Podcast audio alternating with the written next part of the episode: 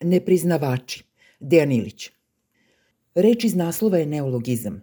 Skovao ju je Vučić možda baš sinoć da označi zemlje za koje Kosovo još nije država. Sve druge su onda, tako ispada, priznavači. Ali tu reč Vučić sinoć nije koristio. Čudna je to stvar s novim rečima. One bi trebalo da pokažu da u novim okolnostima postojeći rečnik nije dovoljan da ih precizno opiše.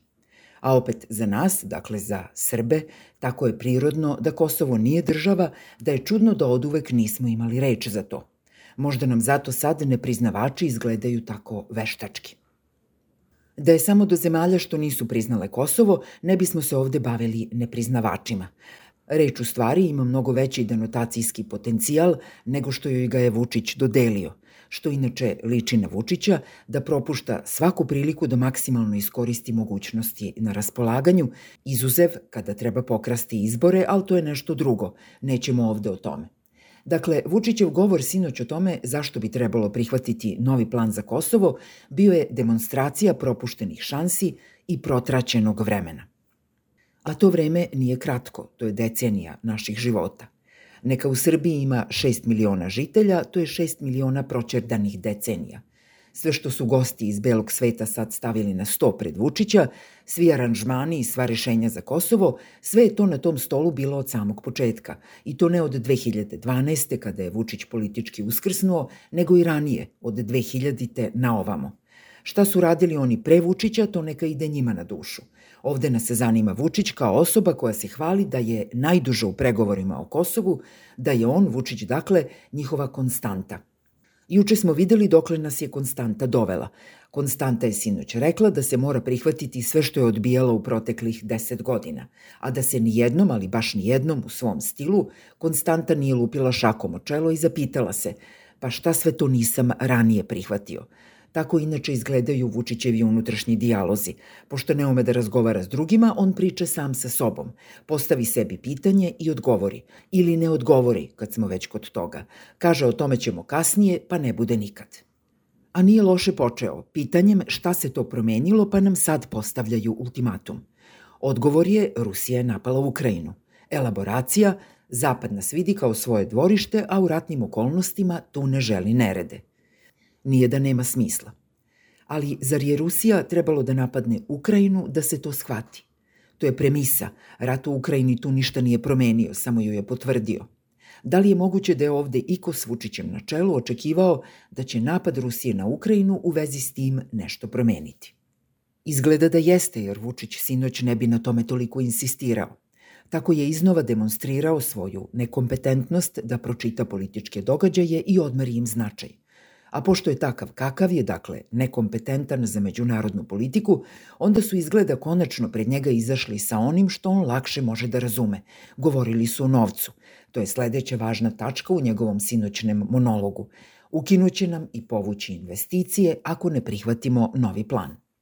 Pametan čovek pitao bi se zašto su do sada čekali da to urade, ali Vučić se to ne pita. Izgleda kao da na to uopšte nije računao, pa se našao zatečen tom pretnjom – a prednja jeste ozbiljna i Vučiću je, za razliku od drugih stvari, dobro razumeo i precizno opisao posledice njene realizacije. Treće tačke u Vučićevom govoru nije bilo i zato je važno ovde je istaći sankcije protiv Rusije. Čini se da pregovaračima iz poslovičnog belog sveta, iz Evropske unije i Amerike, dakle, sankcije Srbije protiv Rusije uopšte nisu bitne. S dobrim razlogom, naravno – jer od tih sankcija i onako ne bi bilo ni nekakve štete, ni bilo kakve koristi. Te sankcije bile su važne u februaru 2022. samo za nas, da u pravom trenutku stanemo na pravu snagu. I to je sve što u njima treba reći.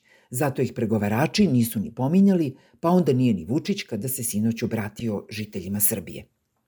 Kada se podvuče crta, nepriznavači bi zapravo bila zgodna reč za nacionalne, nacionalističke političare i elitu u Srbiji s Vučićem na čelu. Oni ne priznaju stvarnost, prave se da je ne vide. Tako su se ponašali u februaru 22. kada je svima drugima, samo ne njima, bilo jasno da je Rusija bez jednog dobrog razloga napala susednu državu – Umesto da to vide kao brutalnu i bezobzirnu agresiju, ovdašnji nacionalni radnici prepoznali su novu šansu da vrate Kosovo. ali sada vidimo da je rat u Ukrajini u stvari katalizator za konačno utvrđivanje statusa Kosova kao države. Tu se stvar ne završava, jer pravo pitanje nije kako se dogodio politički promašaj iz februara 2022. Taj promašaj je u stvari logičan.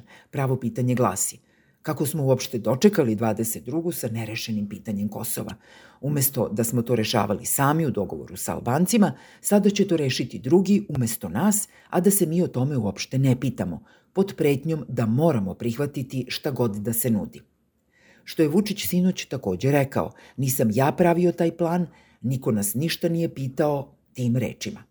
A da nije sebi kao konstanti postavio pitanje kako se desilo da nas niko ništa ne pita, zašto su nas isključili i sada pred nas izlaze sa ultimatumima. Samo što ni tu nije kraj. Pošto su Vučiću izneli argumente novčane, koji on razume, može se dogoditi da on, namerno ili ne svejedno, donese dobru odluku i prihvati plan. Ako bude tako, ne treba sumnjati da će zauzvrat dobiti garancije da ga s polja neće niko dirati, kako god da odluči da vlada Srbijom, dokad god hoće.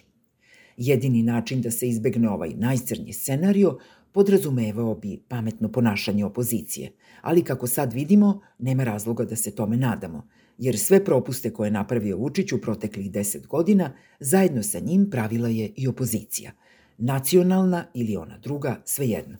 Čini se da i sad opozicija čeka da zaskoči Vučića ako prihvati novi plan, računajući na raspoloženje žitelja Srbije, koje je u najvećoj meri razvio i održavao upravo sam Vučić. Ali to je loša računica. Opozicija treba da radi sve suprotno od toga, a pre svega da i sama prizna da je grešila u vezi s Kosovom.